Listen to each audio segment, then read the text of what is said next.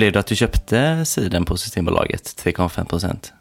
Nej, alltså jag prioriterade annat dyrt istället. Den var ganska dyr, den kostade nog 119 Ja. kronor för en stor flaska cider. Ah, så nej. Nej, Men jag stod och höll i den. då ska man hitta någon att dela med kanske också. Ja, Eh, ja. Svårt själv kanske. Ja, Eh, Men eh, jag sa att jag skulle kolla upp vad som gäller med eh, de olika alkoholhalterna. Ja. Och jag tog kontakt, inte med vdn då, nej. utan med eh, kundtjänsten som vanligt folk. Och eh, det visar sig då att alltså, de säljer inte folköl för att de inte konkurrerar med dagligvaruhandeln. Ja, det är så. Det är anledningen. Eh, eller som de själva uttrycker sig då, att det ingår inte i deras uppdrag. det låter ju mer spännande än vad det är då, med uppdrag just. Men eh, med cider är det lite annorlunda.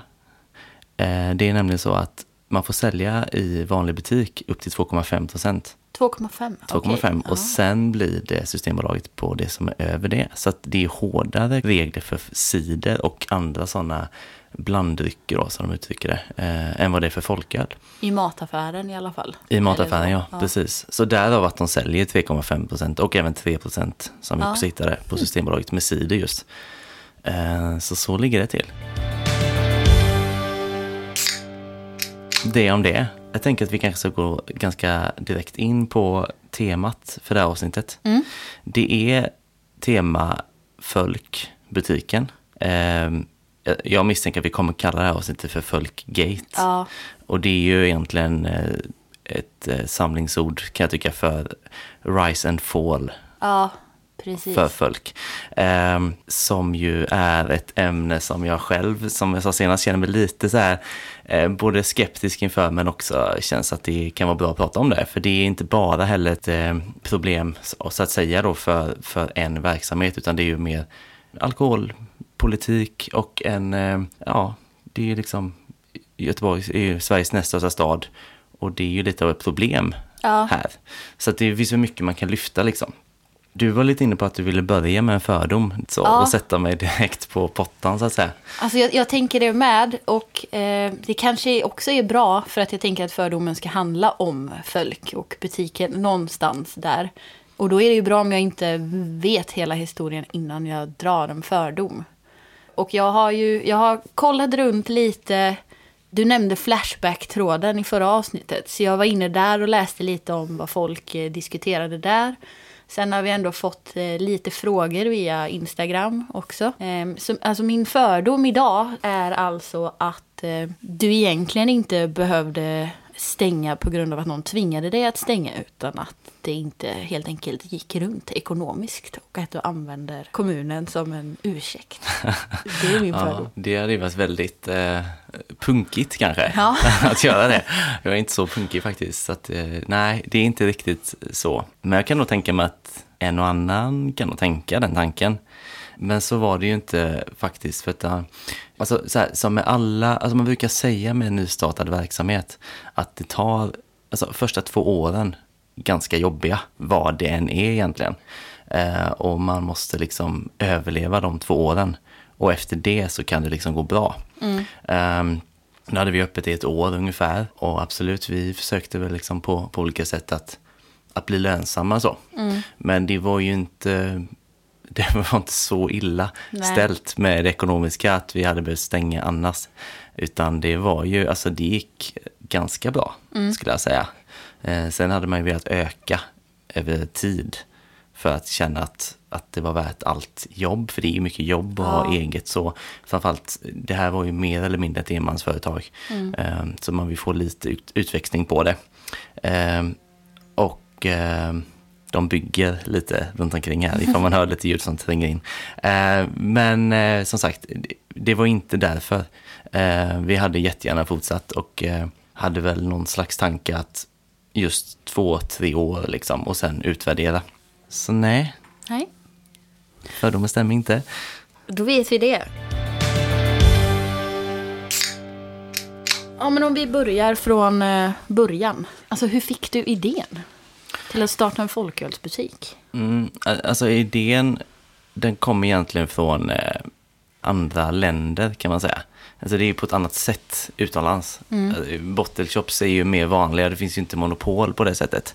Så vi hade varit mycket, alltså jag och min flickvän, i olika större städer i Europa, sådär Amsterdam, Berlin, London, Köpenhamn eh, och gått mycket i bottle shops. Mm. Och tyckte att det går att göra mycket häftigt av en ölbutik. Eh, och man kan sätta sin egen prägel och sådär. Och att det blir liksom känslan att det är mer än en butik. Vi var inne på en livsstilsbutik i eh, Malmö ja. förra avsnittet. Det här är också lite av en livsstilsbutik. Alltså öl är ju en livsstil ja. på sätt och vis. Så det går ju verkligen att skräddarsy det som man vill ha det. Och eh, tanken var ju liksom en, en levande butiksmiljö med, med servering. Det var ju tanken så från början liksom. Ja. Eh, bara det är ju lite extra och speciellt att det finns en servering i en butik. Ja, men precis. Eh, för att vara i Sverige då. Och sen att det blir folköl, alltså det är olika anledningar. En anledning är såklart att det är det man kan ha i Sverige. Mm. Eh, men det, det, är inte, alltså det är också väldigt spännande med folköl. Jag hade tyckt det i kanske två års tid. Att liksom, jag märkte att det hände mycket inom folköls... Ja. Eh, så du hade ändå ett intresse för just folköl innan du ja, började med butiken? jag tycker man hade upptäckt det mer och mer liksom, mm. eh, åren innan där. Och sen hade det öppnat upp i Stockholm också, så då såg man liksom att ja, men det kan ju funka. Och, och framförallt som här i stan då, när det inte fanns någon ja. sån butik. Och så tyckte jag det liksom, att det är klart att det ska finnas en även här. Mm. Eh, det kändes bara logiskt. Så ja, lite olika eh, anledningar egentligen då. Mm. Eh, men, men kul liksom att skapa något nytt och något som, ja, något som inte fanns innan liksom, men som jag ändå kände att många ville ha. Ja. Mm. Läget i stan, eller hur hittade du lokalen? Det är ju också en fråga vi har fått på Instagram. Ja. Kungshöjd heter mm. det va? Ja, det heter det. Ja. Eh, och det, alltså det där med, det, det, är så mycket timing på något vis inblandat. Ja. Eh, som, som allt annat egentligen så är timingen viktig. Och det, alltså, jag gick in väldigt mycket för att hitta en lokal under en tvåmånadersperiod. Mm. Så vi löste det ganska snabbt faktiskt. Mm. Eh, jag kan tänka mig att det tar väldigt lång tid för vissa att få till en bra lokal. Men det var väldigt så här, så jag, jag, jag var och kollade på en del lokaler. Jag eh, sökte runt på nätet och kontaktade och sådär. Eh, var på möten, sådär, inbokade möten med, med Vasakronan och med Wallenstam. Körde snyggt bildspel. Mm -hmm. eh, sådär superproffsigt verkligen. Eh, satt en timme och gick igenom eh, affärsidén och sådär. Okay. Eh, så på så vis fick man liksom, de började leta aktivt åt den. Ja. Eh, vilket var väldigt härligt. Sen var det faktiskt också att när vi gick ut med nyheten om att vi skulle starta upp så var det folk som hörde av sig via Instagram och så och ville hjälpa till att leta okay. lokal. Ja. Alltså helt ideellt så. Så väldigt härligt. Men sen när jag väl hittade den här lokalen så var det så att jag hade sett den, att den var ledig och så hade jag hört av mig till de som hyrde ut den. Och då fick jag så svaret tillbaka att det är nästan uthyrt. Nästan klart liksom. Mm.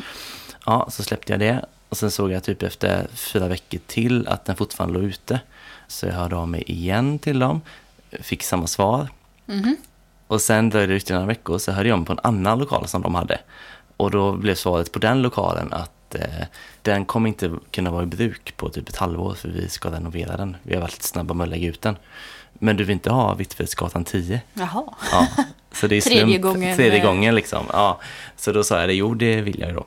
Eh, så då blev det den. Ja. Det blev ju mer lokalt än vad jag kanske hade tänkt då. Ja. Vi kollade liksom lite runt omkring Majorna, Linné. Så. Mm. Det blev lite av en sidogata men samtidigt väldigt centralt för det var, det var ju inom vallgraven. Liksom. Ja, ja, ehm, så det var ändå nära för många människor liksom, när man ändå var på stan. Mm.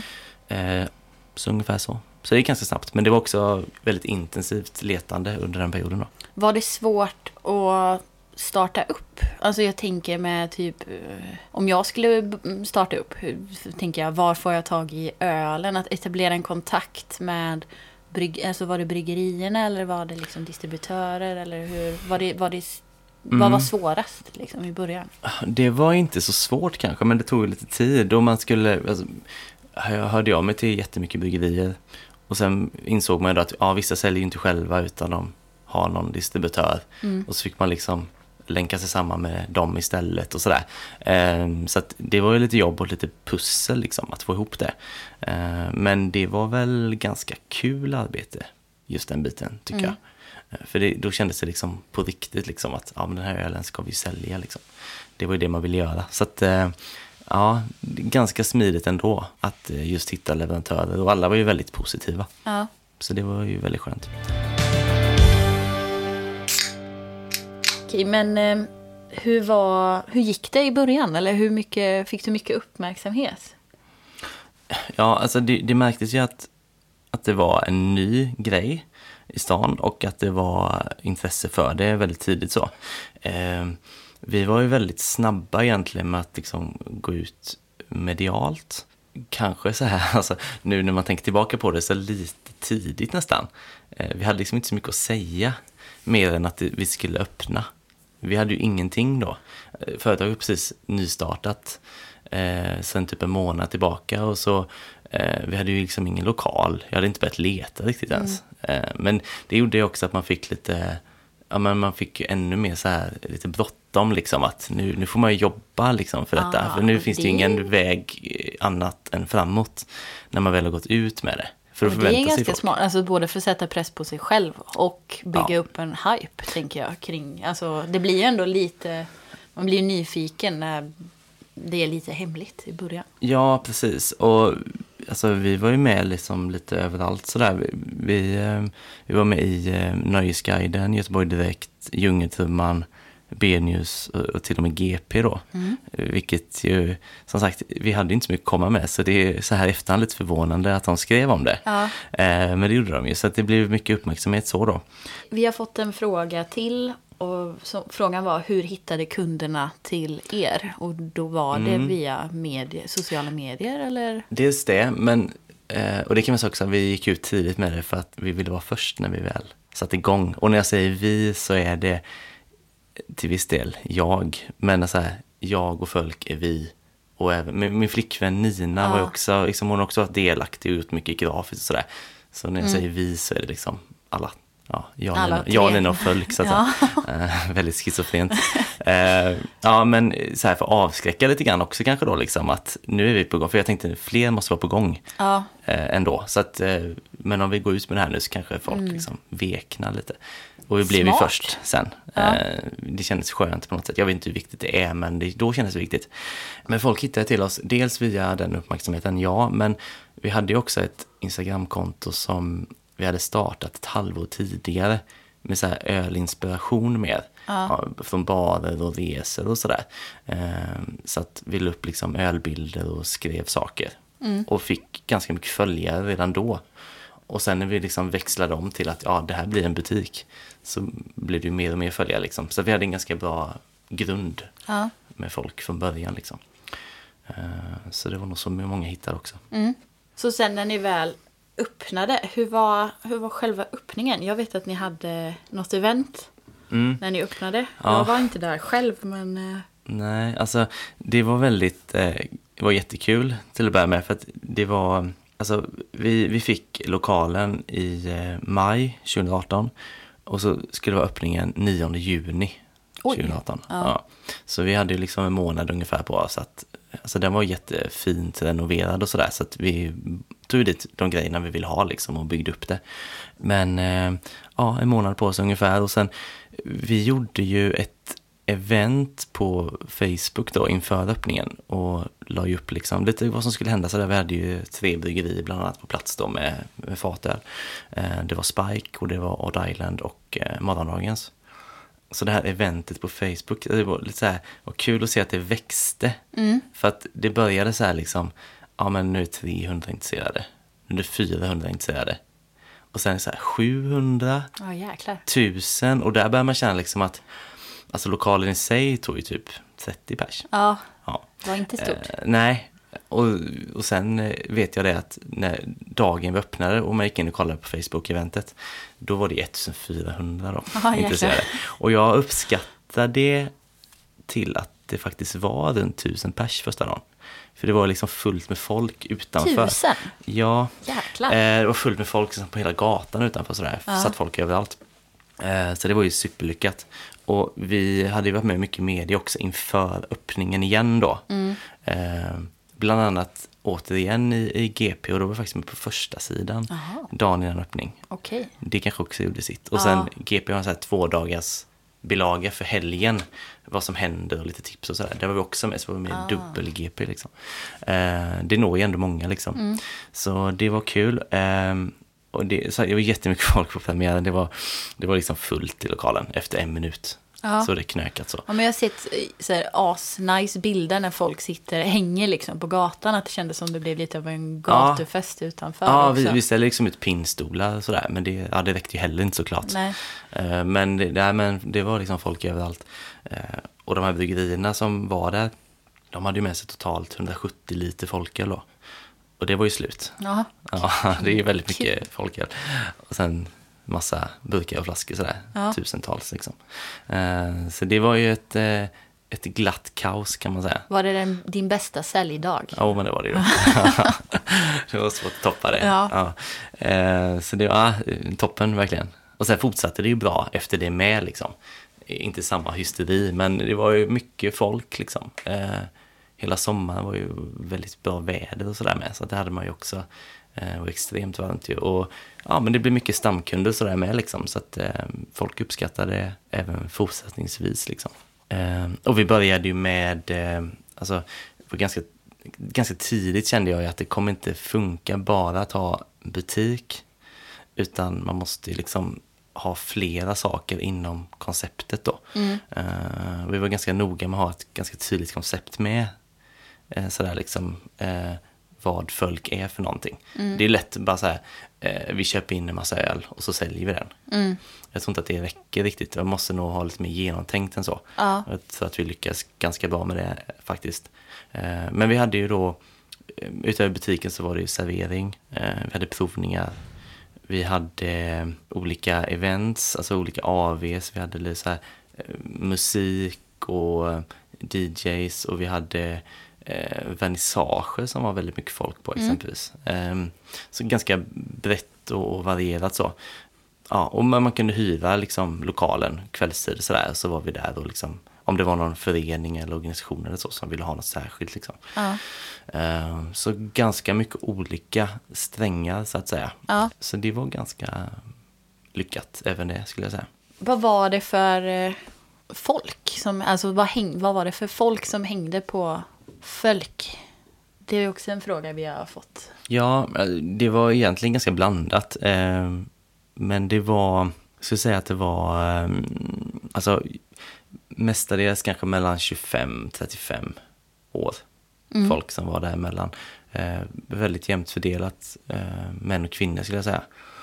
Men alltså det, det stack ju iväg upp i åldrarna med sådär. Eh, jag tror många så här upptäckte folköl på nytt liksom, som var äldre också.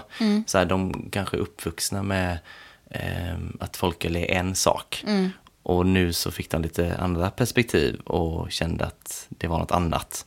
Eh, så det var också lite häftigt så. Men 25-35 år eh, blandade män kvinnor så. Eh, det var väl målgruppen största delen liksom. Jag tänker, eh, vad kan man säga, hur ska man ställa den frågan? Vad var genom snittbesökstiden för en kund? Alltså jag tänker, eh, för jag vet eh, Hannes som klipper våran podd. Han och hans tjej nämnde någon gång när vi sågs att de brukade komma till din butik och hänga, liksom sitta och spela spel och sånt. Så var det mycket folk som kom och stannade en stund? Eller var, var de flesta bara in och ut genom dörren? Nej men det var, alltså de flesta, majoriteten kom in och handlade och gick. Men eh, alltså varje dag så satt det ju folk och, och drack liksom. Och det är ju också härligt att man liksom kan beställa en öl, dricka en öl och samtidigt handla. Ja. Alltså allt i ett liksom. Ja. Så det var ju många som utnyttjade den chansen också då. Det kan man ju inte göra på Systembolaget Nej. exempelvis då. Eh, gå och knäppa en bärs där och plocka på Ja, sig, det går precis, inte. Eh, så att, eh, nej men det, alltså det, som sagt, det, folk satt där varje dag liksom. Så det, var- det var blandat liksom. Och det bidrar ju med, tycker jag. Att liksom, ja men så här, jag tänker själv om jag hade kommit dit, det är ju härligt om någon sitter där. Det känns ju lite mer mysigt ombonat på något vis. Lite folk. Ja, men precis. Alltså jag kommer ihåg, undrar om det var, det var innan eh, jul förra året. Mm. Eh, När ni hade den här eh, glöggsurisen från morgondagens på fat. Då vet jag att jag var i butiken med min eh, kusin när vi var ute och julhandlade. Och så tog vi en paus och så gick vi och satte oss eh, i din butik och så tog varsin öl. Och det var, det var så himla eh, skönt, liksom Mm. bara avslappnat på något Mm. sätt. Sen så vet jag att jag efter det, för att det kändes som att eh, det, alltså det var nästan ingen, jag tror knappt att det var någon annan inne i butiken under tiden. Och du var ju liksom där i bakgrunden hela tiden. Och jag satt väl och outade typ hela mitt privatliv för henne. I, i, i butiken liksom. Så jag, jag vet, jag sa till henne när vi gick eh, därifrån att bara herregud, jag kommer aldrig mer kunna gå tillbaka till den här butiken. Vet han allting om mitt så här, trassliga privatliv liksom. Nu vet jag allt om hur förstörd jag är. Ja, men, ja, men precis. Här, allt mitt trassliga. Ja. Ja. Eh, men det, nej, sen hörde du av dig ett halvår senare och ville göra podd. Så Ja. att eh, det... Ja, Jag minns ingenting Nej. faktiskt. Nej, det är inte ett ord faktiskt. Eh, ja. ja, spännande att höra ändå.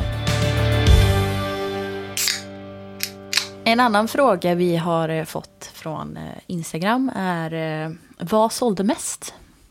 Um, alltså en enskild öl, Ja, jag du? antar det. Vad, eller du Ja. kan väl säga både om du kom på någon öl eller om det är en Mm. ölstil eller... Alltså IPA och surt. Ja. Det var de två, eh, framför allt. Eh, men så här enskild öl så Beersmiths hade, de har inte kvar den längre, eh, en Mangolicious IPA. Eh, alltså en, en IPA, New England IPA med mango. Den sålde ju extremt bra. Den, den gick hem hos de flesta liksom. Ehm, så den, ehm, Fresh Prince från Spike också. Eh, liknande stil ju, fast ingen mango i. Eh, gick också väldigt, väldigt bra. Och sen eh, skulle jag säga att eh, det mesta från eh, bryggeriet exempelvis. Eh, om man ska gå in på det sura då. Det som sålde allra snabbast var ju fermenterarna dock. Ja. Eh, Men de hade vi ju inte så långa perioder liksom, utan det var ju mer så här, nu finns den och då sålde den. Ja. Och sen tog den slut och så dröjde det några månader liksom. Så att på det hela taget så sålde det inte så stora volymer egentligen. Ja. Ehm, mm. Vi pratade lite om Lucie Lille innan vi kom hit idag också. Ja, just det. Eh, Sålde den, vilken fermenterarna eller Lill- Lille, vilken... eh, Ja, men då är det Lusse Lille faktiskt. okej. Ja, det får jag ju säga Ja. då. Ja, nej, jag fick ju veta att eh, folk var liksom överlägsna i stan förra Ja. året med att sälja just eh, Lusse Lille. Eh, Det är jättekul. Det var ju kul att höra. Det fick jag veta idag.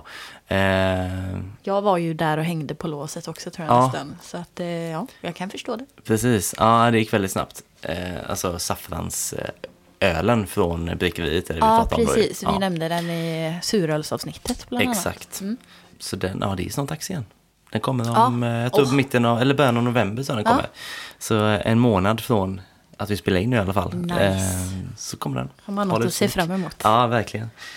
En annan fråga vi har fått från, eh, ja, från Instagram igen är eh, hur, hur var kontakten med tillståndsenheten? Eller hur funkade det? Mm, det var ju eh, en stor grej förstås. Alltså redan från början, jag hade ju hört liksom innan uppstarten att tillståndsenheten i Göteborg är inte helt lätta. Nej. hade jag hört från olika håll, liksom så här helt ja, men random människor som hade sagt det. Okej. Ja, så det var ju så här första steget verkligen att innan det gick att sätta verksamheten överhuvudtaget, eh, vad man skulle göra exakt, så, så eh, var man ju tvungen, kände jag, att ha kontakt med dem för att se så att det liksom funkade och att det var okej för dem. För det är ju ändå de som avgör det till slut. Ja. Eh, De avgör ju liksom vilket, vilket spann man har att röra sig inom. Men det räknas inte som livsmedel då? Eller? Nej, det gör inte det. Alltså det räknas som alkoholdryck. Ja. Ehm, det gör det ju. Så att, nej, inte som livsmedel. Tyvärr då. Men det, det, jag hade jättemycket kontakt med i början sådär. Alltså innan jag, innan jag startade upp företaget och innan jag liksom satte ramen för vad vi skulle göra. Så eh, hade jag kontakt med dem eh, mycket skulle jag säga. Så jag hade nog i alla fall en sex sju samtal till dem. Pratade med samma person då varje gång. Och varje gång så hade jag liksom nya frågor så här för att liksom, ja, men liksom eliminera alla möjliga frågetecken. Liksom, så, här, så man visste liksom att ja, men gör vi det här så är det okej. Ehm, och jag, alltså jag tyckte att de var väldigt eh, tillmötesgående och så. Jag kände väl liksom att de hade fått lite taskigt rykte nästan då, Ja. sådär. Och tyckte att eh, det stämmer ju inte, utan de är ju trevliga och tillmötesgående och allt detta liksom. Och jag fick ju liksom olika, alltså rent av så de, de tipsade ju om saker i samtalen sådär liksom. Eh, exempelvis, eh, alltså jag var väldigt tydlig med att det var ju ölen som var fokus då. Och eh, eventuella andra produkter man behövde ha var ju liksom bara för att få sälja ölen egentligen. Och det, det sa jag ju liksom, för det, alltså hade det blivit problem redan där så hade det ju inte blivit någonting. Eh, jag var inte intresserad av att ha en livsmedelsbutik helt enkelt. Nej. Men alltså jag, jag vet, jag frågade liksom, en restaurang får ju då sälja folköl ut ur lokalen. Och varför får de det, undrade jag. De har ju inget livsmedel för att få sälja ölen. Men då fick jag liksom svaret att det är för att de har en meny och servering. Och fick liksom tips från dem då att om du också har en meny, och det, alltså det räcker med att du har liksom, eh, sittplatser och bord som man kan vara där. Och sen att du har en meny och det behövs ingen särskilt stor meny, det räcker med lite chark liksom. Just för folköl. Eh, för då får du även sälja take away-öl. Och då kände jag att, ja, ah, perfekt. Det Okej. löste ju det mesta liksom. Ja. För det är ju inga problem. Det kan vi ha och det vill jag ju ändå ha. För jag vill ju ha det här levande eh, miljön där inne liksom. Och då är en servering ganska perfekt ju. Så de har ändå sagt att du fick sälja takeaway. Mm. Ja, gud ja. Det har de gjort. Och sen, alltså jag var ju så här, jag var ganska långt fram i tanken. Eh, jag hade nog så här 400-500 post-it-lappar med så här, som anteckningar på. Jag hittar dem fortfarande i fickor och jackor. Och alltså, ja, det är helt sjukt. Eh, så här massa grejer för framtiden då. Så en sak var ju näthandel då. Ja. Säger man näthandel längre? Det gör man inte va? E-handel. Webbshop? Jag vet när jag gick på gymnasiet så läste jag näthandel A och B. Det känns ju väldigt gammalt nu när man säger e-handel säger man ju. Ja. Ja, nät. Ja, okej. Ehm, men då frågade jag om det, liksom, hur det skulle kunna funka. Och då var det också sådär liksom, tips från dem att ja, men sälj eh, liksom, som ett, eh, en kombo. Du kan sälja ölen och så kan du så här, ja, men sälja det i paket med exempelvis ölkorv eller liksom något tilltugg överlag. Sådär, liksom. så, så är det också lugnt. kan du sälja det på nätet. Ja, så det var ju liksom också sådär, ja perfekt inför framtiden liksom. Det kan man ju köra på då och utöka med. För det är som sagt, jag var ju inne på att man skulle behöva ha olika förgreningar liksom inom det. Så e-handel var ju också en bra grej då tänkte jag. Eh, så det var ju också så här, de här tipsen och liksom alla samtal vi hade, det var ju så här, det kändes ju väldigt möjligt. Eh, och, och liksom bra allting, så då, då körde jag ju liksom. Eh, så ja, så var ju liksom första kontakten då. Ja. Mm. Och sen, var, alltså, hur ändrade det sig? Eller de måste varit där? Eller när dök de upp första gången? Och, Ja, alltså, första gången så var de där i oktober 2018, alltså förra året. Och det är också så här typiskt. Jag var ledig en dag på alla de dagar vi hade öppet. jag var på bröllop, det var en lördag. Så då var de där. på en lördag också? Ja, det är så här. Ja. Men de som jobbade på Fölk, de, de sa liksom att ja, men de hade inte så mycket att anmärka på, utan de tyckte väl att ja, men ni kanske ska ha, alltså de fattade liksom att ja, men det var ju ölen som vi ville sälja liksom. Och att eh, vi skulle då, de tyckte kanske att vi skulle ha något mer livsmedel att sälja. Så vi kunde liksom erbjuda en hel måltid för folk som kom in. Att man kunde köpa med sig en måltid hem. Och jag hade liksom räknat med att något, alltså något klagomål kunde väl komma. För det är, det är liksom en ny verksamhet både för mig och för tillståndsenheten. Så att, att det upp, uppstår någonting, det hade jag liksom räknat med. Så eh, då så eh, fick jag ju ett eh, protokoll från honom sen efter ett tag. Och så stod det ju typ så också då, liksom, lite mer livsmedel. Men vad räknar, eller vad räcker det med att du har en så här pirog i frysen som du kan mikra till någon som de hade velat? Mm. Eller hur? Ja, fast det här var ju mer liksom för att köpa med sig hem då. Alltså varor mer så. Det var det de hade. Okej. Ja, Så inte att du behöver servera mat där, Nej. utan bara någonting man kan köpa. Och vad räknas Precis. som mat? Eller liksom färdigt? Att du behöver ha en färdig maträtt? Nej. Att köpa med sig hem? Ja. Nej, utan då är det mer så här, alltså för då är det så att då, när jag fick protokollet, eller i väntan på protokollet så, så köpte jag in, eh, det finns en pastafabrik i Majorna. Jag köpte in Jaha. pasta, ja. Och så köpte jag in så här, ja men tomatsås liksom. Och så det är ju måltid, Ja. trots allt. Så det hade jag på hyllan. Och så eh, när jag fick protokollet från dem så hörde jag mig till dem. För jag tänkte jag vill ändå prata med dem. För att jag var inte där liksom. Det kan vara bra att höra det direkt liksom. Ja. Men då stod det inte rätt, alltså det stod in, inget namn och nummer till rätt person där på. Så då blev det så att jag mejlade till deras gemensamma mejl att jag ville bli uppringd då. Och så blev jag inte det. Och sen i efterhand så har jag fått veta liksom att då hade de ringt mig. Men alltså, så här, man är egen företagare, man har ett serviceyrke.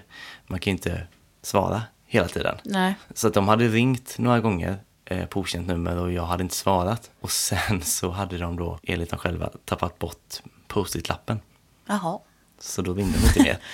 Post-it känns som ett väldigt old, fast du gillar ju jag gillar i och post-it-lappar för sig post-it-lappar, men jag kan tycka att ska man ringa ett samtal så kanske det inte ska hänga på att man har kvar post-it-lappen. Nej, nej. Eh, Så då ringde de inte mer, plus att jag kände väl att ni har ju liksom möjlighet att lämna ett röstmeddelande.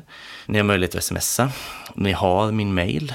Eh, Så det går ju Ah. liksom, det finns fler sätt att nå mig såklart. Men så det blev ju istället att jag fick ju inget samtal helt enkelt. Eller de kom ju aldrig fram. Så det rann ju ut i sanden från deras sida då. Eh, vilket jag tyckte kändes lite oproffsigt sen då när jag fick reda på det. Ja. Men sen kom de ju tillbaka i eh, februari i år, 2019. Ja. Och då, då var det annat, eh, om man säger så. Då, Var du i butiken då? Ja, då var jag själv i butiken där. Eh, Det var en fredag precis innan stängning. Ja. Stängde vid sju, så de kom in typ två minuter i sju. Och då hade du pasta och tomatsås på Ja, det var ju det jag hade liksom. För då, ja, precis. Det Ja. var det jag hade att gå på, kände jag då liksom. Och eh, med tanke på det jag hade pratat med dem innan öppning så skulle det ju vara fullt tillräckligt liksom. Ja, så i alla fall så, men då kom de in, det var två från tillståndsenheten, två poliser, Va? Ja, Poliser? och två från eh, Skatteverket. Va? Skojar du? Nej, eh, så det var väldigt Sex så här, personer? Ja, så det var väldigt så tillslagigt. Oj. Ja, och så liksom in där, det var ju mörkt och sådär. Eh, hade det så här mysbelysning så att säga i lokalen då. Och så liksom, det första man gör är liksom att tända upp hela lokalen. Ja. Så det är liksom helt jätteljust. Poliserna går runt och kollar i alla hörn och i alla, liksom så här, ja, in på lager och förråd och så, liksom kollar upp mot ventilationer. Så här. Letar Som- efter... Ja, men letar efter knark antar jag. Alltså jag frågar inte. Men eh, man blir lite Ja, så här, vad letar ni efter här inne? Ja. Eh, jättekonstigt så, liksom väldigt, väldigt eh, bryskt liksom. Alltså, Ja, shit, jag hade blivit asrädd Ja, men man blir ju skakis liksom. Alltså, Man undrar ju vad som händer. Alltså, även om man inte har gjort något fel så blir man ändå... Det är som att man går igenom säkerhetskontrollen på en flygplats och är rädd för att bli ertappad med något fast man ändå inte har gjort någonting fel. Mm. Nej, liksom. alltså, man Alltså känner sig automatiskt som en brottsling. Ja. Eh, så. Och sen liksom att de är sex stycken och jag är en då. Ja. Eh, de här människorna från tillståndsenheten, det var ju andra människor än de jag hade pratat med innan då. Ja. Eh, de är ju ett gäng där. De var ju väldigt, eh, alltså, alltså väldigt ifrågasättande, väldigt missnöjda från första början. Och det går ju inte att prata med dem liksom. Nej. Det är helt omöjligt. Och så är det två poliser bredvid liksom. Men vad började de liksom hacka på ölen med en gång eller liksom? Alltså, ja, de, de, de påtalar ju allt liksom. Ehm, De rabblar ju upp saker liksom så att ja, men det är för lite livsmedel, det är för dålig meny dök upp då plötsligt från ingenstans. Ehm, Provningarna var inte lagliga. Eh, growlers, alltså som vi pratade om innan en gång, att man fyller en behållare med fatöl. Det var heller inte lagligt. Men det fick jag ju först demonstrera för att det var de ju frågan till vad det var för någonting då. Men det här är alltså, jag menar, det här är inte lagligt i Göteborgs kommun. Menar Ja, de eller? tolkar ju Sveriges rikes lag Men du kan ju köpa med dig. i andra städer. Ja, Ja, absolut. så... Så det, är- det är ju deras tolkning liksom. Ja. Eh, vill man sätta sig på tvären i en sån position så kan man göra det. Så kan man väl säga. Ja. Ja, så att, alltså, allt var ju dåligt liksom. Det var ju ingenting som var okej plötsligt då. Herregud. Ja. Så, ehm, ja, så där står man ju då liksom, det är så här ängslig, så, här, orolig liksom och samtidigt lite förbannad med liksom. Men det, det är svårt att få utlopp för det där liksom. Eh, Som sagt, poliser och allting, man, man, det är ju jävligt surrealistiskt liksom. Och så, som sagt, omöjligt att prata med dem sådär. Men vi fick ju liksom, alltså, jag vet inte, de hade ju bestämt sig på något vis när de Man kom måste in där. kännas konstigt när de gör en sån helomvändning utan du kan inte vara förberedd på det för att du ändå haft bra kontakt med dem innan. Precis, och som sagt första kontakterna så, det var ju väldigt positivt. Så jag, och jag hade ju så här liksom att ja, det kan ju dyka upp någonting, men då löser vi ju det. Alltså, för det kan inte vara någon stor grej, för vi är ju liksom överens om det här. Så kändes det verkligen. Och de, de, som du vet, de visade, eh, de hade fotograferat från vårt Instagramflöde och sådär. Och hade synpunkter även på att vi så ja men om det var en solig dag och vi hade lagt upp en bild och skrivit liksom att eh, idag skiner solen, kom till oss på en bärs så har de synpunkter på det också. Liksom. Man, får, man får inte marknadsföra öl och uppmana till drickande. Men vadå, det Men, gör väl vilken restaurang? Ja. Eller är det för att du inte är en restaurang? Eller vad? Ja, fast samtidigt det är ju verkligen ju... inte ensam i Sverige om att... Nej, det gör ju alla. Herregud, ja. Alltså jag följer ju alla i stan nästan. Alla ölserveringar i stan följer jag på Instagram. Det, så är det ju. Ja, liksom. Det är tänk, sånt man gör. Ja. Men det var väl också sådär liksom att de hade, alltså det kändes som att de liksom ville sätta dit oss nästan. Alltså så de var där för att stänga skiten. Liksom. Oh, så det, det fanns ju liksom ingenting riktigt att, att göra där och då för oss, eh, eller för mig liksom på plats där. Fick du en lång åtgärdslista igen då eller var du tvungen, fick du ha öppet eller hur? Nej, alltså de skulle återkomma med ett protokoll igen då. Ja. Det var ju det de sa. Men, men sen blev det så här att jag hörde av mig till hon som jag hade pratat mycket med från början, som jag tyckte hade förståelse för det. Liksom. Eh, hörde av mig till henne och liksom fixade så att vi kunde ha ett möte. Mm. Egentligen tänkte jag bara hon och jag, men även han från ja, tillslaget då, om vi mm. kallar det, eh, var också med till slut då. Eh, det var jag inte helt nöjd med. Vad hade men, Skatteverket att göra? Nej, men Skatteverket, det var rätt harmlöst, för de ville egentligen bara kolla, alltså, de var med för att liksom, se så att vi hade rätt eh, kassasystem. Okay. Och det var ju helt lugnt liksom. Ja. De kändes nästan lite skamsna faktiskt. Aha, ja. Och, ja, så kändes det lite grann. Med det här mötet i alla fall. Mm. Alltså, när jag kommer dit då, det är typ en vecka senare kanske. Då, det är så här ganska tydligt att de håller ihop. Aha. Så. Eh, samtidigt som de är oense om vissa grejer, alltså även då. Eh, det är ju det här med att man tolkar så mycket. Ja. Att lagen finns och sen gör man tolkningar utifrån den. Så exempelvis då när vi satt där, så han som var på tillslaget, han tyckte inte att menyn räckte. Han ville att vi skulle ha flera varma alternativ. Vilket ju känns ganska orimligt. Och hon i sin tur hade ju sagt att chark räckte liksom. Ja. Ja, så den frågan kom ju upp när vi satt där och då blev det liksom att, ja då satt de och diskuterade i flera minuter Jaha. sinsemellan och han tyckte så, si och hon tyckte så. Eh, så de var ju liksom inte överens där och då har de ändå samma jobb och allting. Ja, det är ju, eh, Så de fortsatte ju där tills jag fick avbryta dem då och säga att nu får ni ändå nu får ni ändå skärpa till er. Det här håller inte. Hur ska jag kunna göra rätt om ja, ni inte vet nej, själva vad som verkligen. gäller? Eh, och sen nästa gång så kommer en tredje person som tycker något annat. Alltså ja, så här kan vi inte ha nej. det. Och det mynnar väl ut i ingenting alls egentligen. Jag vet fortfarande inte vad de kom fram till på just den frågan. Nej. Ja, så det, det är ju väldigt skumt så. Och sen kommer det här med livsmedel upp då. För det är ju också en, en springande punkt såklart. Och eh, då, då fick jag den väldigt härliga förklaringen hur stort utbudet skulle vara. Eh, det skulle vara som en större mack. Okej. Det är inte du kan jättetydligt. Inte, alltså, nej, men för det första kan inte du typ fylla en, en större mack i din lilla lokal om Nej. du skulle ha... Alltså bara där är det helt ologiskt. Precis. Sen vad det är för utbud, men det är ju... Ja, en Ja. större mack har ganska mycket... Ja, så det ifrågasatte jag ju ganska snabbt då. Vad är ens en större mack? Alltså, nu är det så här att jag har ju heller inte bil och så vidare. Jag Nej, har ju men inte varit på mack på tio år. Nej, jag, men alltså, det är ju som en konstigt begrepp. 7-Eleven eller vad som Ja. helst typ. De Mm. flesta mackar idag är ju... Ja. Ehm, så, men alltså så här, brett och varierat utbud av, ja nu läser jag till då. Mm. Eh, brett och varierat utbud av följande. Eh, frysvaror, mejeriprodukter, bröd, frukt, grönsaker, konserver. Men och det innebär ju då att du kan inte ha en frysvara exempelvis då, utan du måste ha flera olika. Och samma med frukt, du kan liksom inte ha banan, utan du måste ha banan, äpple, päron. Alltså, Ah. och sen är det ändå en tolkningsfråga om de skulle komma igen liksom. Så kan de ändå tycka att ah, men du borde även ha nektarin så att säga. Så åker man ändå dit på det för att de tycker det då. Alltså det är väldigt så. Eh, tolkningen är ett stort problem liksom. Ja, det låter verkligen som att det är ett eh, stort problem. Ja, och just att man ska uppfylla allt detta liksom. Eh, det är ju ingen som kommer till folk för att handla de grejerna. till att börja med. Nej, och de måste ju också vara medvetna om att det här skulle sänka, att du inte kommer kunna uppfylla de här kriterierna. Liksom. De har ändå varit i din lokal. Ja, Det är helt omöjligt att ens få plats med allt det där. verkligen. Eh, men då, då sa jag ju det också, att jag, att jag tyckte det var konstigt med de kraven från dem nu då. Mm. Men så sa jag väl också det liksom att det spelar ju ingen roll med livsmedlet, eh, för jag har ju en servering liksom. Eh, och då ska det ju räcka, både Ja. för försäljning och servering. Men då, ja och så sa jag det liksom att det tipsade du ju mig om eh, i början liksom, innan uppstart. Och, och då får man liksom det här svaret att ja, så var det då, men vi har ändrat oss. Så nu är det, för att få sälja öl ut ur lokalen, så måste du ha det här varierade och breda utbudet av livsmedel. Och för att servera så måste du ha menyn.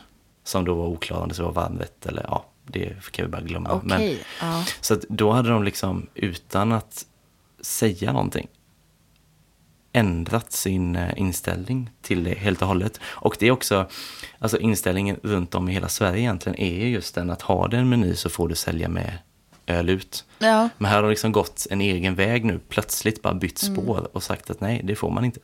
Men kan det vara så att, eh, alltså i början när du pratade med henne, då var det ju väldigt nytt för dig och du var först i Göteborg. Och det fanns ingen så här policy, det fanns ingen, inga förhållningsregler, de visste inte hur de skulle ta beslut eller vad de, hur de skulle liksom lägga Mm. upp Mm, det konceptet. mm, Så att när hon hjälpte dig då så resonerade hon väl bara fritt Mm. ur hur hon tänkte.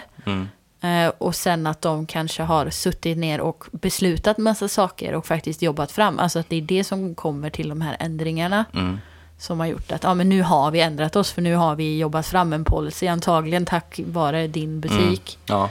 Eh, sen att det också, det känns inte som att de har tittat på resten av Sverige eller kollat på vad gör Malmö, vad gör Stockholm. Nej, Utan för det, bara- det sa jag ju till dem då flera gånger liksom, men då blev de nästan arga liksom. När man sa det liksom att det här är helt okej i Stockholm. Det Ja. vi gör är liksom inga problem i Stockholm. Eh, men då är deras inställning som att ja, de gör fel, vi gör rätt. Men som du säger, att det kan ha växt fram hos dem eh, i takt med att de märkte att det behövdes regler för det på ett annat sätt. Så kan jag ändå känna att man kunde haft lite mer av en dialog. Liksom. Ja. De visste ju att, att det fanns ett ställe i stan, så att säga. Och det är ju, alltså det blir lite snopet när man får eh, liksom, direktiv från början.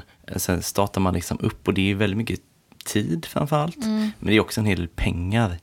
Eh, som liksom, alltså, så här, det är ju liksom inte så att man är skuldsatt för livet efter detta, men det är ändå en hel del pengar som har gått till spillo. Liksom. Ja. Ja, men till följd av liksom, information som inte har visat sig vara sann senare då. Så en, en dialog hade ju varit att föredra liksom. Men i alla fall så, alltså, det som också kom upp var ju med provningarna då, för där hade jag ju återigen då liksom kollat i lagen vad som gäller. Och då sa de liksom på mötet sådär liksom att för att ha provningar så måste du ha tillstånd. Och då sa jag liksom att ja, då, då vill jag ansöka om det. Eh, och då fick jag liksom svaret att eh, det kan du inte. Nej. Man kan bara söka för starköl. Så du Eh, kan inte hålla i folkölsprovningar alls? Nej. För det finns inget tillstånd att söka? nej. Men, är du det- behöver, alltså, åh, Ja, det är liksom så här, man hamnar ju verkligen mitt emellan. Det finns ingen lösning. och du de kan vill inte- inte hjälpa en. Eh, och då, alltså, så att jag hade kollat upp lagen extra den här gången. Och liksom, då står det liksom att det krävs tillstånd för provning av eh, spritdrycker, äh, spritdrycker vin, starköl. Tydligt att det är starköl då. Eller andra jästa alkoholdrycker. Och då kan man undra, vad är andra jästa alkoholdrycker? Det kan man också kolla upp smidigt, en definition så. Och om man kollar på det så står det att det är en eh, dryck som framställs genom jäsning av frukt, bär eller andra växtdelar och som inte är vin eller öl. Alltså står det ju ingenting om folköl i lagen. Det Nej. står bara starköl. Men det vill de inte heller kännas vid då. Utan de höll ju fast vid det att eh, du måste ha tillstånd och du kan inte få en tillstånd. Alltså det är helt absurt. Ja, alltså de stängde ju liksom dörr på dörr på dörr. Och då kände jag så här att det här är ju kört. Ja. Alltså, även om man skulle få igenom en grej av allt det här så är det ingen verksamhet. Nej.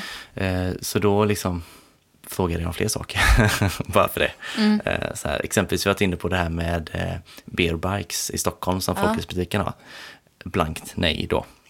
Som sagt, okej i Stockholm, men blankt nej. Varför? Eh, ja, och så kände jag att jag var tvungen att fråga återigen om eh, eh, näthandeln och e-handeln. Ja. Eh, och då var det ett helt annat svar. För det kan inte de kontrollera, eller? Nej, jag vet faktiskt inte om det... Fast det är mycket möjligt att de hade kontrollerat det eftersom företaget är baserat här. Ah. Så är det nog ändå de som kollar det, tänker jag.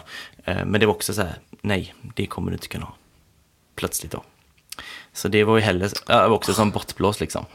Ehm, Så att ja, det var ju så här, liksom, när jag gick därifrån så var vi ju inte överens om någonting egentligen. Eh, Men då kände man ju liksom att det här blir tufft liksom. Men så blev det ändå att man, eh, alltså hon då också som, som jag pratade med tidigt innan uppstart, hon var väldigt mån om att liksom få det till att hon och jag hade missförstått varandra. Ja. Eh, vilket jag kan förstå att hon vill få det till. Men, Men det, ni har bara pratat via telefon och sånt? Det finns ingen mail eller alltså, liksom... Vi har några mejl fast det är liksom inget matnyttigt riktigt. Nej. Det är ju det. Men eh, som sagt, jag var väldigt svårt att se. Vi hade ändå sex, sju samtal och eh, jag vet inte riktigt vad hon skulle ha missuppfattat. Nej, så, Eh, så Ja, gravt. Ja, eller hur? Så att, det liksom, så att ingenting är rätt. Ja. Eh, det är ju konstigt. Liksom, verksamheten är uppbyggd kring de samtalen. Ja, men alltså, ja, så här, man känner sig lite lurad då liksom. Att, att det har blivit så. Ja. Och, och, och det här också, liksom, om du skrattar lite, det är ju inte kul överhuvudtaget. Men, men eh, alltså, så här, under mötet att det liksom så här, småhotas lite med polis. Om du inte... Eller vad, i vilket... Ja, men liksom så här att eh, om det inte blir bättring på det här så kommer det bli polisärende. Liksom. Och det är också någon så här slags maktposition de har Ja. då, liksom att kunna ens dra det kortet. Liksom. Så det, det gjorde de ju såklart. Och så säger de att jag ska invänta en rapport från dem igen. Liksom. Ja. Och det, den väntar jag ju in sen då. Eh, och så köper jag in en hel del livsmedel och, och lägger till lite på menyn också för att safea upp. Och det är också så här när man ska köpa in de livsmedlen då. Att, alltså jag ville gärna ha liksom lite återkoppling från dem då. Liksom så att om jag köper in det här, det här, det här, det här, det här så eh, är det okej då? För liksom, kommer de en gång till och inte nöjda så blir det ju en polissak av det. Liksom. Det vill man ju inte. Eh, men då, då kan de liksom inte ge någon guidning. Så det, det kan de inte göra, utan då bara, ah, det får vi se då. Ehm, Alltså jag blir trött bara av att lyssna på det här. Mm. Jag fattar att det... ja, nej, men det är ju verkligen som springer i väggen hela tiden. Eh, så, att, så, så här, konceptet som vi hade med folk, det blir bara sämre och sämre när man tar in liksom helt random eh, livsmedel som ingen vill ha. Det tar upp halva butiksytan då, vilket gör att man blir sämre på bärsen också. Liksom. Kan inte ta in Ja. lika mycket, säljer inte lika mycket. Eh, provningarna är ju liksom, ja, försvinner ju också. Så allt man tänkte plussa med liksom, för att få verksamheten lönsam på riktigt eh, är ju borta. Och plus att det vi gjorde är försämrat. Så att det blev ju liksom bara sämre och sämre och det är ju inte hållbart liksom att hålla på så. Så vi körde på några månader till och eh, ja, sen kände man ju liksom det att det, vi kommer inte kunna utveckla det här. Det kommer bara bli sämre. Ja. Eh, så då var ju så här, ska man lägga ner nu eller ska man vänta till höst? Men då blev det liksom att vi eh, kanske ska göra det nu. För Ja. att det kommer sagt var inte bli bättre. Vi kommer antagligen bara förlora mer pengar på att öppet längre Ja. liksom. Plus att det var väldigt påfrestande så ju. Alltså att dels det driva det men också liksom driva någon slags kamp mot dem då. Ja. Vi har fått en fråga som var varför var ni tvungna att stänga? Men då kanske det var alltså tvungen, ni valde att stänga på grund av att det inte gick att föra någon dialog. Så. Eller Ja, så. det var inte som att att de vi kom liksom och, fick- De ville stänga ner det men de, Ja, Rent tekniskt sett har de så här, inte- Känslan var verkligen att de ville stänga ner det. Men det kom liksom inget definitivt att ni får inte sälja mer. Men de kapade ju liksom av allt. Liksom. Eh, så vi, vi kunde liksom inte längre. Ehm, och sen, så, men innan jag liksom riktigt bestämmer mig så ringer jag ju då till tillståndsenheten och, och frågar efter den här rapporten då. För man tänker det kan väl vara gött att få det liksom svart på vitt. Så här, vad det egentligen rör sig om. Eh, och då säger de då att eh, eh, nej men det, sådana skickar vi inte ut. Nej. Så då plötsligt finns det ingen rapport. Så det känns som att, jag vet inte, det där är bara liksom skumt. att de Ja. mörkar det på något vis. Ja, det, jag, jag Ja. finner inga ord. Typ. Nej, jag tycker men jag tror vi kommer är- tillbaka till den här rapporten alldeles strax. Att det fortsätter lite till här Jaha. då. Ja. Eh, om, du, om du orkar en Ja, liten eh, ja, runda till jag här nu. Ja. sitter mest och gapar typ för att jag tycker att situationen är... ja, alltså det är ju mycket som är lustigt. Eh, Men alltså då, då känner jag liksom det att jag orkar liksom inte eh, hålla på mer. Och liksom, vi kunde inte göra något i butik. Alltså vi, vi visste inte ens om vi fick sälja det vi sålde. Nej. Alltså vi visste ingenting. Så vi, vi eh, la ju ner liksom. Eh, ja, så då gick vi ut med det och så blev det mycket, alltså efterspelet blev jättestort. Ja, det blir mycket eh, mediabrus eller? Ja, Mycket... alltså allt möjligt så här. Jättemycket stöd från liksom, bryggerier och branschen och sådär. Och, och från alla kunder med liksom. Det var, vi tänkte haft öppet typ en månad till för att sälja det vi hade. Men vi hade bara öppet i ja, men, tre dagar. För sen var allt slut. För alla kom liksom och ville komma dit en gång till. Ja. Och liksom hjälpa till och så här stödköp. Alltså sådär. Ja. För många tyckte att det var för jävligt liksom. Så att, liksom, vi sålde slut på tre dagar, så sen beställde vi inget mer så vi stängde ju. Ja. Det gick ju väldigt snabbt då. Ja. Liksom. Det var också en väldigt konstig känsla liksom. Jag vet också att folk eh, ringde tillståndsenheten och skällde på dem. Det är bra, det kunde de så här, ha, alltså. Ja, men lite så. Samhällstjänst, jag på att säga. Det är en annan sak. Eh, Men sen blev det också, alltså vi tänkte också det liksom att nu när det ändå blir så här så får vi ändå eh, göra det med en, ett bang liksom. Ja. Eh, Så då körde vi liksom media igen så. Så då var det återigen så här Nöjesguiden, Benius, Unityman, GP igen. Plus att det skrevs en, en ledare i GP. Eh, som också hamnade på första sidan. Mm. Så det var väldigt mycket uppmärksamhet så.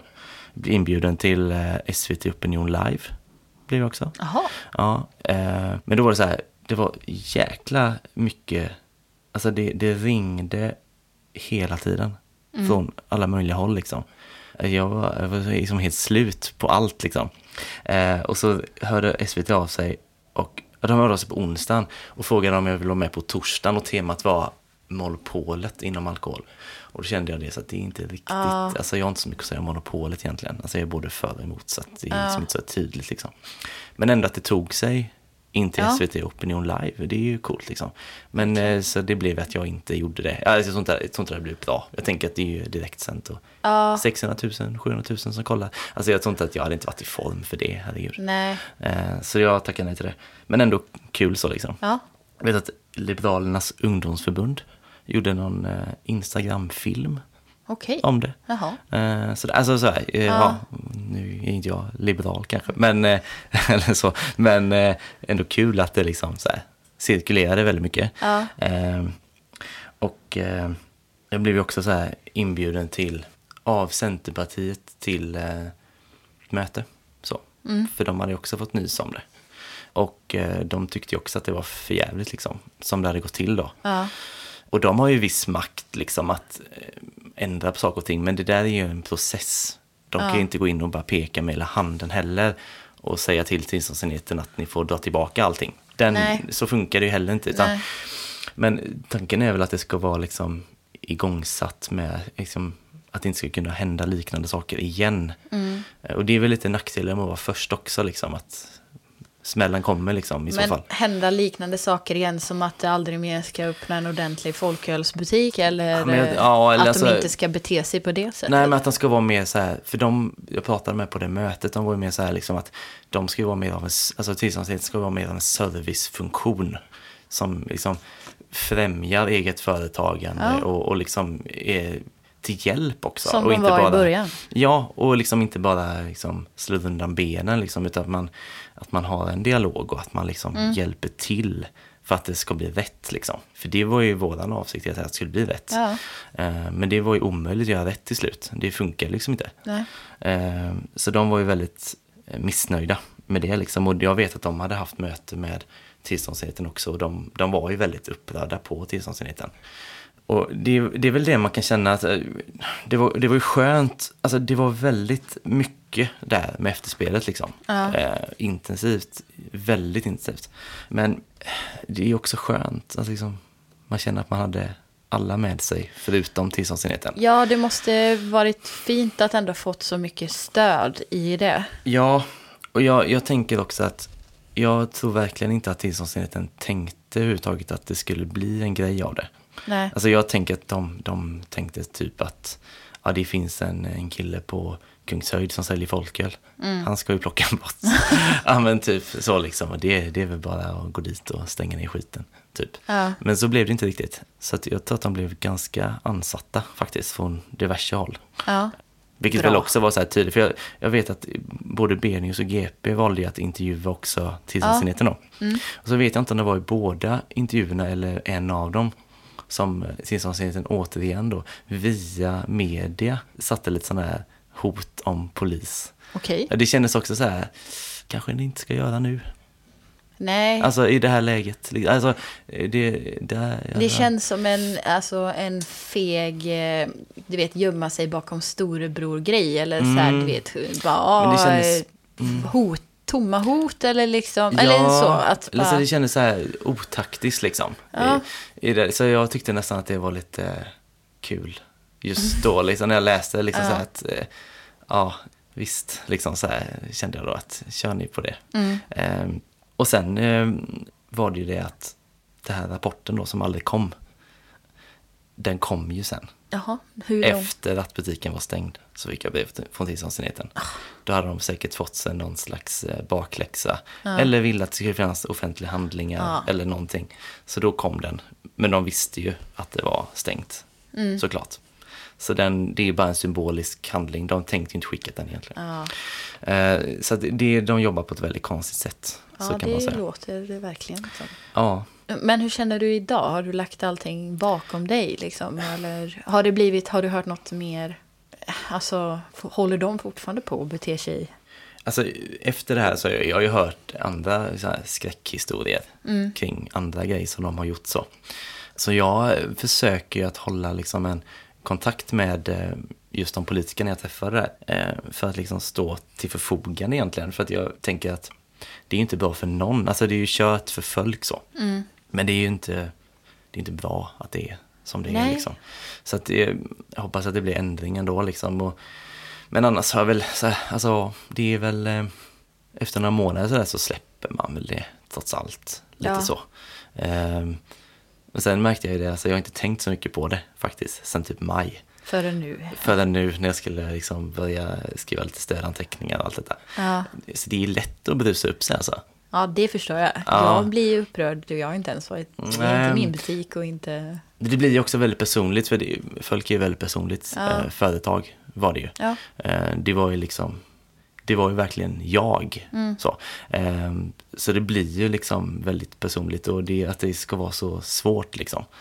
Eh, som sagt, det ju, hade ju funkat superbra i Stockholm exempelvis. Ja. Det har inte varit några problem och här blir det liksom hot om polis. Ja. Det är ju stora skillnader. Det är jättekonstigt. Eh, så, eh, nej. Men annars känns det bra. Vi har ju podden. Ja, precis. Ja. ja, vi ska nog hitta på eh, kul grejer med detta. Ja. Som de faktiskt inte kan eh, stoppa. Eller? Kan de det? Nej, Ja. det kommer de inte kunna göra. Så ja, Det var Folkgate. det var Folkgate. Ja. Inget annat. Nej, vi är Nej. nöjda där. Ska vi eh, dricka öl? Ja, nu vill man ha en öl va? När man har dragit igenom allt detta. Yes. Vi går och hämtar bärsen. Ja. Yes, dagens eh, första öl, en av två. Tagit med oss varsin idag. Vill du presentera den eller har du, tycker du att du har pratat tillräckligt? Ja, jag kände en viss heshet idag på dagen. Så jag har druckit, eh, alltså, jag vet inte, en liter kaffe säkert. Så här varmt för halsen liksom. Det funkar bra. Mm. Eh, men vi ska testa nu eh, Dugges. Det är andra ölen från Dugges vi testar. Det- Du hade med dig Flower Power Folk. ja, just det, första avsnittet. Ja, men nu är det Tiny Pills. Mm. Jag tyckte det kändes lite kul för att vi har ju druckit en pilsner tidigare i avsnittet. Eh, första avsnittet var ju det.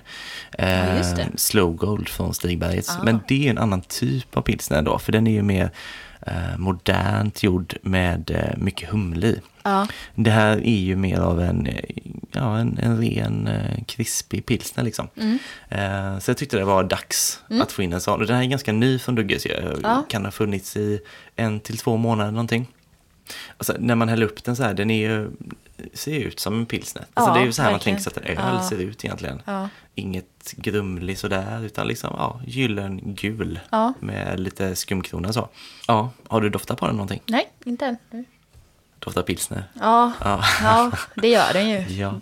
På ett bra sätt. Mm. Den har ju ändå lite så här eh, frisk humleton, liksom, en liten fräschör i sig så. Ja, jag har mycket fördomar kring eh, pilsner och Alltså det kommer ju väldigt nära för mig. Men jag, jag tycker det nu, Jag har inte provat den, men nu är jag Nej. väldigt nyfiken. För att jag, mina fördomar tänker ju så här att det är folköl, alltså fulölsfolköl, lager, pilsner. Mm. Att det är så här, det. Mm.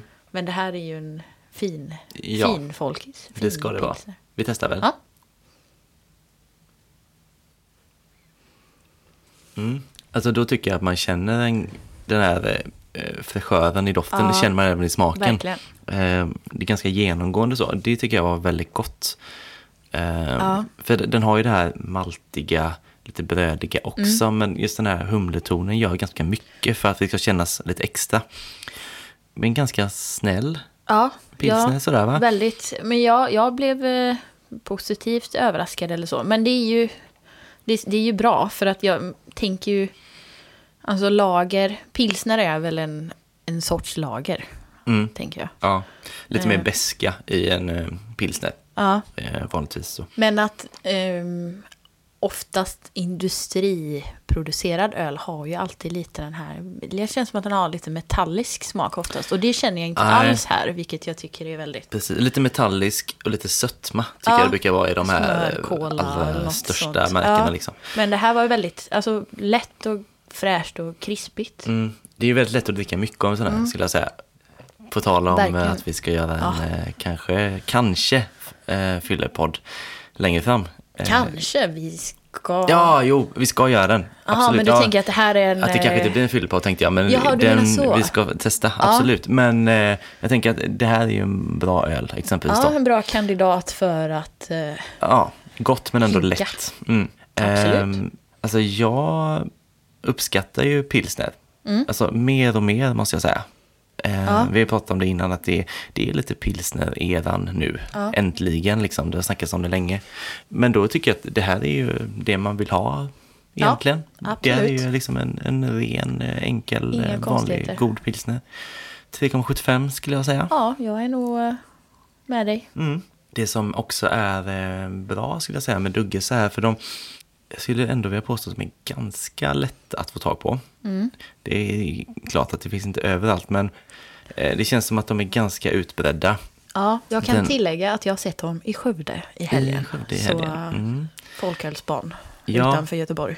Och den här är köpt på ICA Kaptensgatan, Majorna. Eh, Men jag har också sett den i eh, alltså flera butiker Ja, runt omkring. Mm. i just Majorna. Som inte är ICA. Eh, Vi pratar ganska ofta om ICA och de har ganska bra överlag tycker Ja. jag. eh, Utbud så, men jag har sett den även på Hemköp Ja. och kanske Willys också känner jag nu.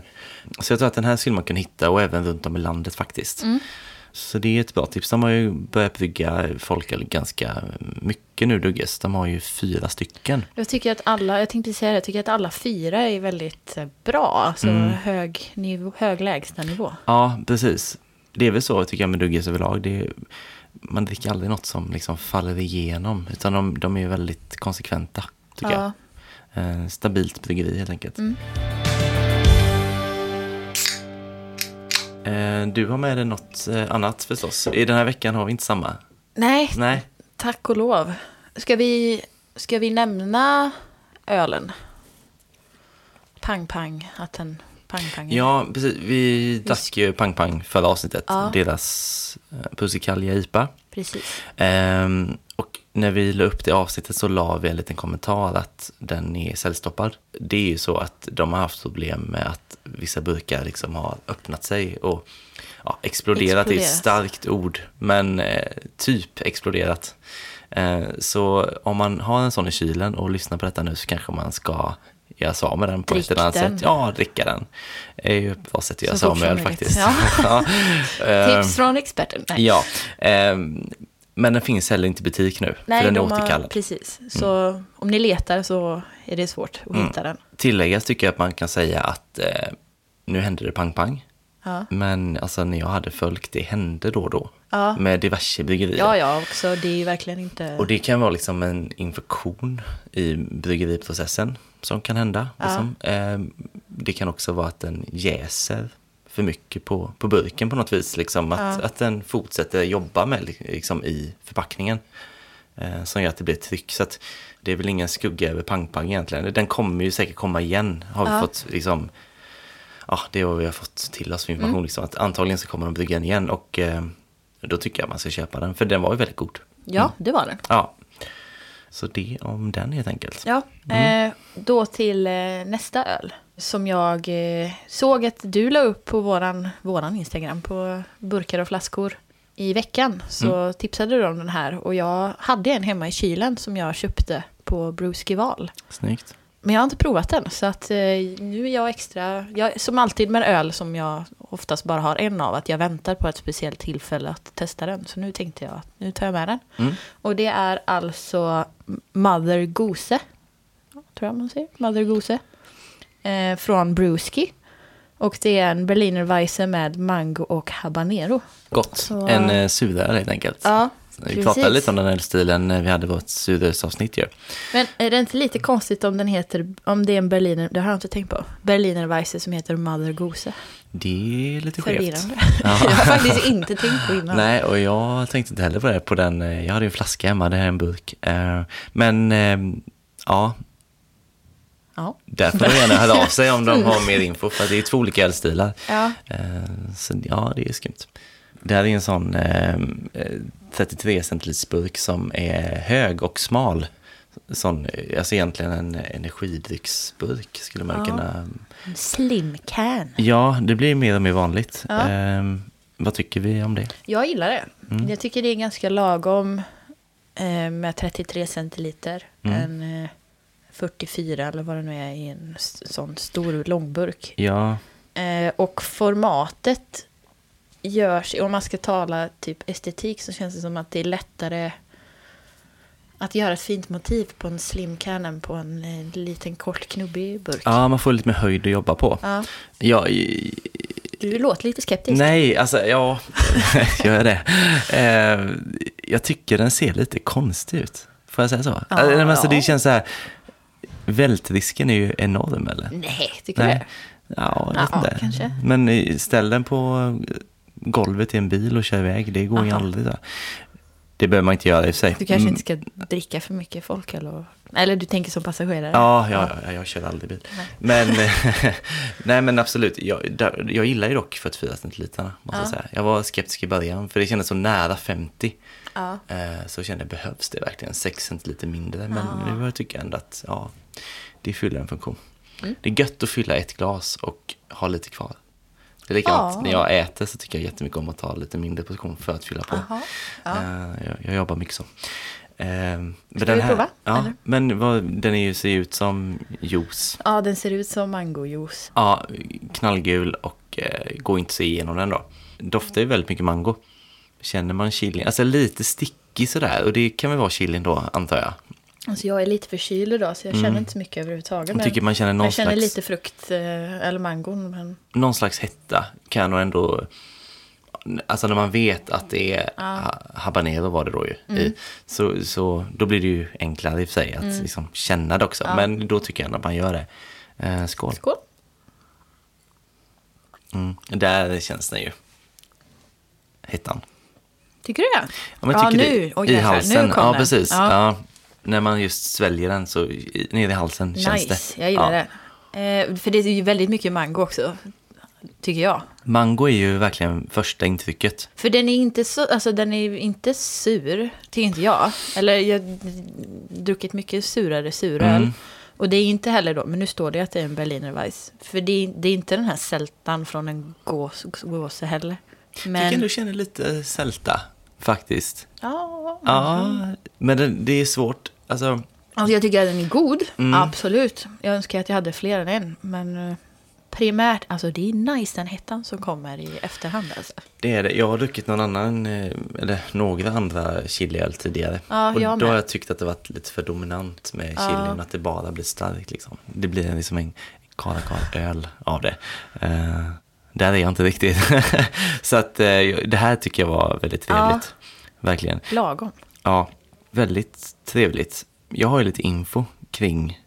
Jag, jag pratade med Bruski i veckan, Ja. nämligen, i ett annat ärende. Och då eh, frågade jag just om det liksom gick att få tag på den här någonstans. Eh, Just med tanke på att vi skulle ha med den. Och då eh, sa de det att de gör just nu inga folköl. Inga alls. Nej, det är tråkigt. De eh, prioriterar att göra starköl just nu. Men eh, den här kommer att göras i en 4-procentig version.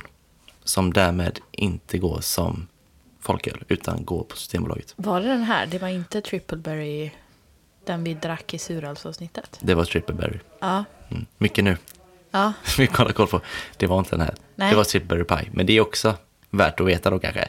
Stripperberry Pie som vi drack tidigare. Ja. Den kommer komma som starköl. Starköl. Eller 4 procent då. Ja, det räknas in på Systembolagets Ja. sortiment i alla fall. Så det är sant, den här vet vi inte riktigt. Men Nej. den görs inte just nu. Och de gör inte heller Lions Den som vi också har Ja, testat. Mycket brus vi har Ja, testat känner men det, de gör ju bra grejer alltså. Ja, de gör ju det.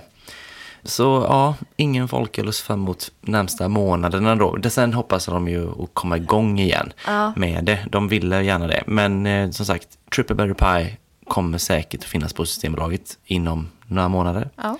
Och resten får man helt enkelt vänta på. Hopp. Det var det. Eh, Det var det. Men, Köpa eh, på sig om man hittar dem. Ja, precis. Det kan ju finnas enstaka kvar. Liksom, Ja. Om man har tur och hittar det. Men av de två vi har testat idag så känns ju Dugges eh, Tiny Pills betydligt lättare att hitta. Absolut. Vad skulle du ge den i betyg? Jag skulle säga att, ja, alltså nu har vi testat en hel del suröl. Mm. Så nu har man ju lite att liksom eh, jämföra mot. Fyra. Jag skulle nog säga fyra eller fyra tjugofem. Eller jag är kluven alltså. För att jag tycker ju så här. Det är ju verkligen mango och habanero. Och Mm. jag tycker att chilin verkligen. Hettan kommer precis så som jag vill ha den. Sen kanske jag hade önskat att den var lite, lite, lite surare. Lite. Ja, det hade inte gjort något faktiskt. Nej. Som en fyra då kanske. Mm. Ja, men det känns, eh, alltså det är ett högt betyg. Ja, Så absolut, det är jag försöker komma ihåg vad jag sagt på de andra. Men eh, nej, men nej, ja men fyra. en fyra. Mm. Ja. Varför pratade du med Bruski? Du sa i ett annat ärende. Ja, alltså jag pratade med Bruski i ett annat ärende och det, det är så här att eh, om eh, några veckor, eh, 19 oktober, så ska jag vara med på en eh, miniölmässa utanför Kalmar. Eh, det heter Stuvnäs gästgiveri. Eh, så har de en liten sån ölhelg där. Okej. Eh, och då är jag medbjuden dit eh, som folkölsexpert. Oh. Marknadsförs jag som då. Ja, det är väl, det får vara okej tänker jag. Men ja, Ja, absolut. det tycker jag. Ja. Eh, så det kommer vara där och så, det kommer vara en provning. Då ska jag ha två folköl att ha med på provningen. Mm. Och sen kommer jag även stå och finnas tillgänglig i en monter eh, efter provningen. Så eh, då hade jag mig till Bruski för de hade lite öl att skicka till Ja. Steven Men det hade de inte då. Så jag jobbade, men då jobbade jag på två fronter då. Jag lämnade inte det åt slumpen så att säga. Nej. Så att jag jobbade på ett annat håll också. Så det det kommer bli, om man är sugen på att komma till Stuvenäs. Alltså är man i närheten av Kalmar så tycker jag att man ska komma dit. Det är ju ganska liten mässa som sagt. Men jag vet att Emmaboda bryggeri, eh, Brygghus 19 och eh, Ängöl från Kalmar eh, kommer vara där. Det är det jag vet. Kanske ytterligare någonting. Men i alla fall, folkölen som jag kommer ha, det är lite Tropic från Dugges just. Eh, surölen, ja. Ja. Supergod. Och jag kommer ha Stedseggrön från Mikkeller, det är IPAn. Ah. Som numera också heter Evergreen. För att Ja, den det är förvirrande. Eller? Ja, men det är ju det här att om man säljer den i England. Aha. Det är svårt att säga Stedseggrön. Ja, ja. Ja, så de har liksom Det halvt... lite exotiskt. Men ja, okej, det är det deras också. öl. Men de har halvt upp om den. Så att, men den i alla fall. Och sen kommer jag även att ha eh, Levigs eh, Magellanic, Magellanic Clouds. Hoppas jag att det blir någorlunda rätt där. Det är också en eh, Pale Ale slash IPA. Ja, Väldigt kul. bra. Ja, så de kommer jag vara med på provningen och testa och, och prata om och sådär. Eh, Kul att du ändå kör Sverige, Danmark, Norge också. Var det, var medvetet? inte alls medvetet Nej. faktiskt. Nej. Eh, men kul, jag har ju inte gjort något sånt innan. Nej. Men det är superkul att få göra det. Eh, så 19 oktober, Ja. det är bara att komma. Kanske köpa biljett också. Ja. Det kan man kolla upp. Det vet jag knappt själv faktiskt. Nästa gång vi ses, vad händer då? Har vi liksom bestämt vad vi ska prata om? Alltså vi har ju pratat om att vi ska prata om öl och mat. Mm, lite löst. Mm. Hur man kan kombinera eller hur vi tänker kring vad som är, passar till Mm. vad. Precis. Jag tycker ju generellt att eh, alltså det är ganska vanligt att man matchar vin och mat. Mm. kommer väl mer och mer att man liksom även på restauranger sådär har mer, alltså fina restauranger att man även kan matcha öl med mat. Eh, men jag tycker att, att folköl är väldigt bra just till mat för att det är liksom även så här mitt i veckan man lagar någonting sådär. Så att, eh, och det går ju att matcha väldigt bra, det finns ju väldigt många olika smaker. Eh, så vi ska väl ta oss an det helt enkelt. Tipsa lite och lite grann hur man kan tänka sådär kring hur man lägger upp det helt enkelt. Ja, om det är någon som har frågor kring eh, någon specifik maträtt eller något annat kring ämnet så kan man ju höra av sig till oss. Mm. Folkebg.gmail.com eller burkar och flaskor på Instagram. Ja. Skriva ett meddelande. Så tar vi till oss av det så kan vi ju fundera på specifika fall helt enkelt. Ja, Det blir hur vad som helst. Jag känner mig ganska eh, mosig nu. Ja. Lite av en urladdning det känner förstår jag. jag. Så nu, nu ska jag hem och så ska jag nog inte tänka mer på det här. Nej. Eh, kanske aldrig. Ja. Eller? ja så alltså, kan det bli. Ja. Eh, eller så gör man det någon gång. Men eh, okej, men öl och mat nästa gång. ja. Och tack så mycket för klipp som görs av Hannes. Yes och jingeln av John. Dolsten. Dolsten. Yes, Farväl Majorna på Instagram och eh, Spotify. Ja, ses om två veckor. Det gör vi.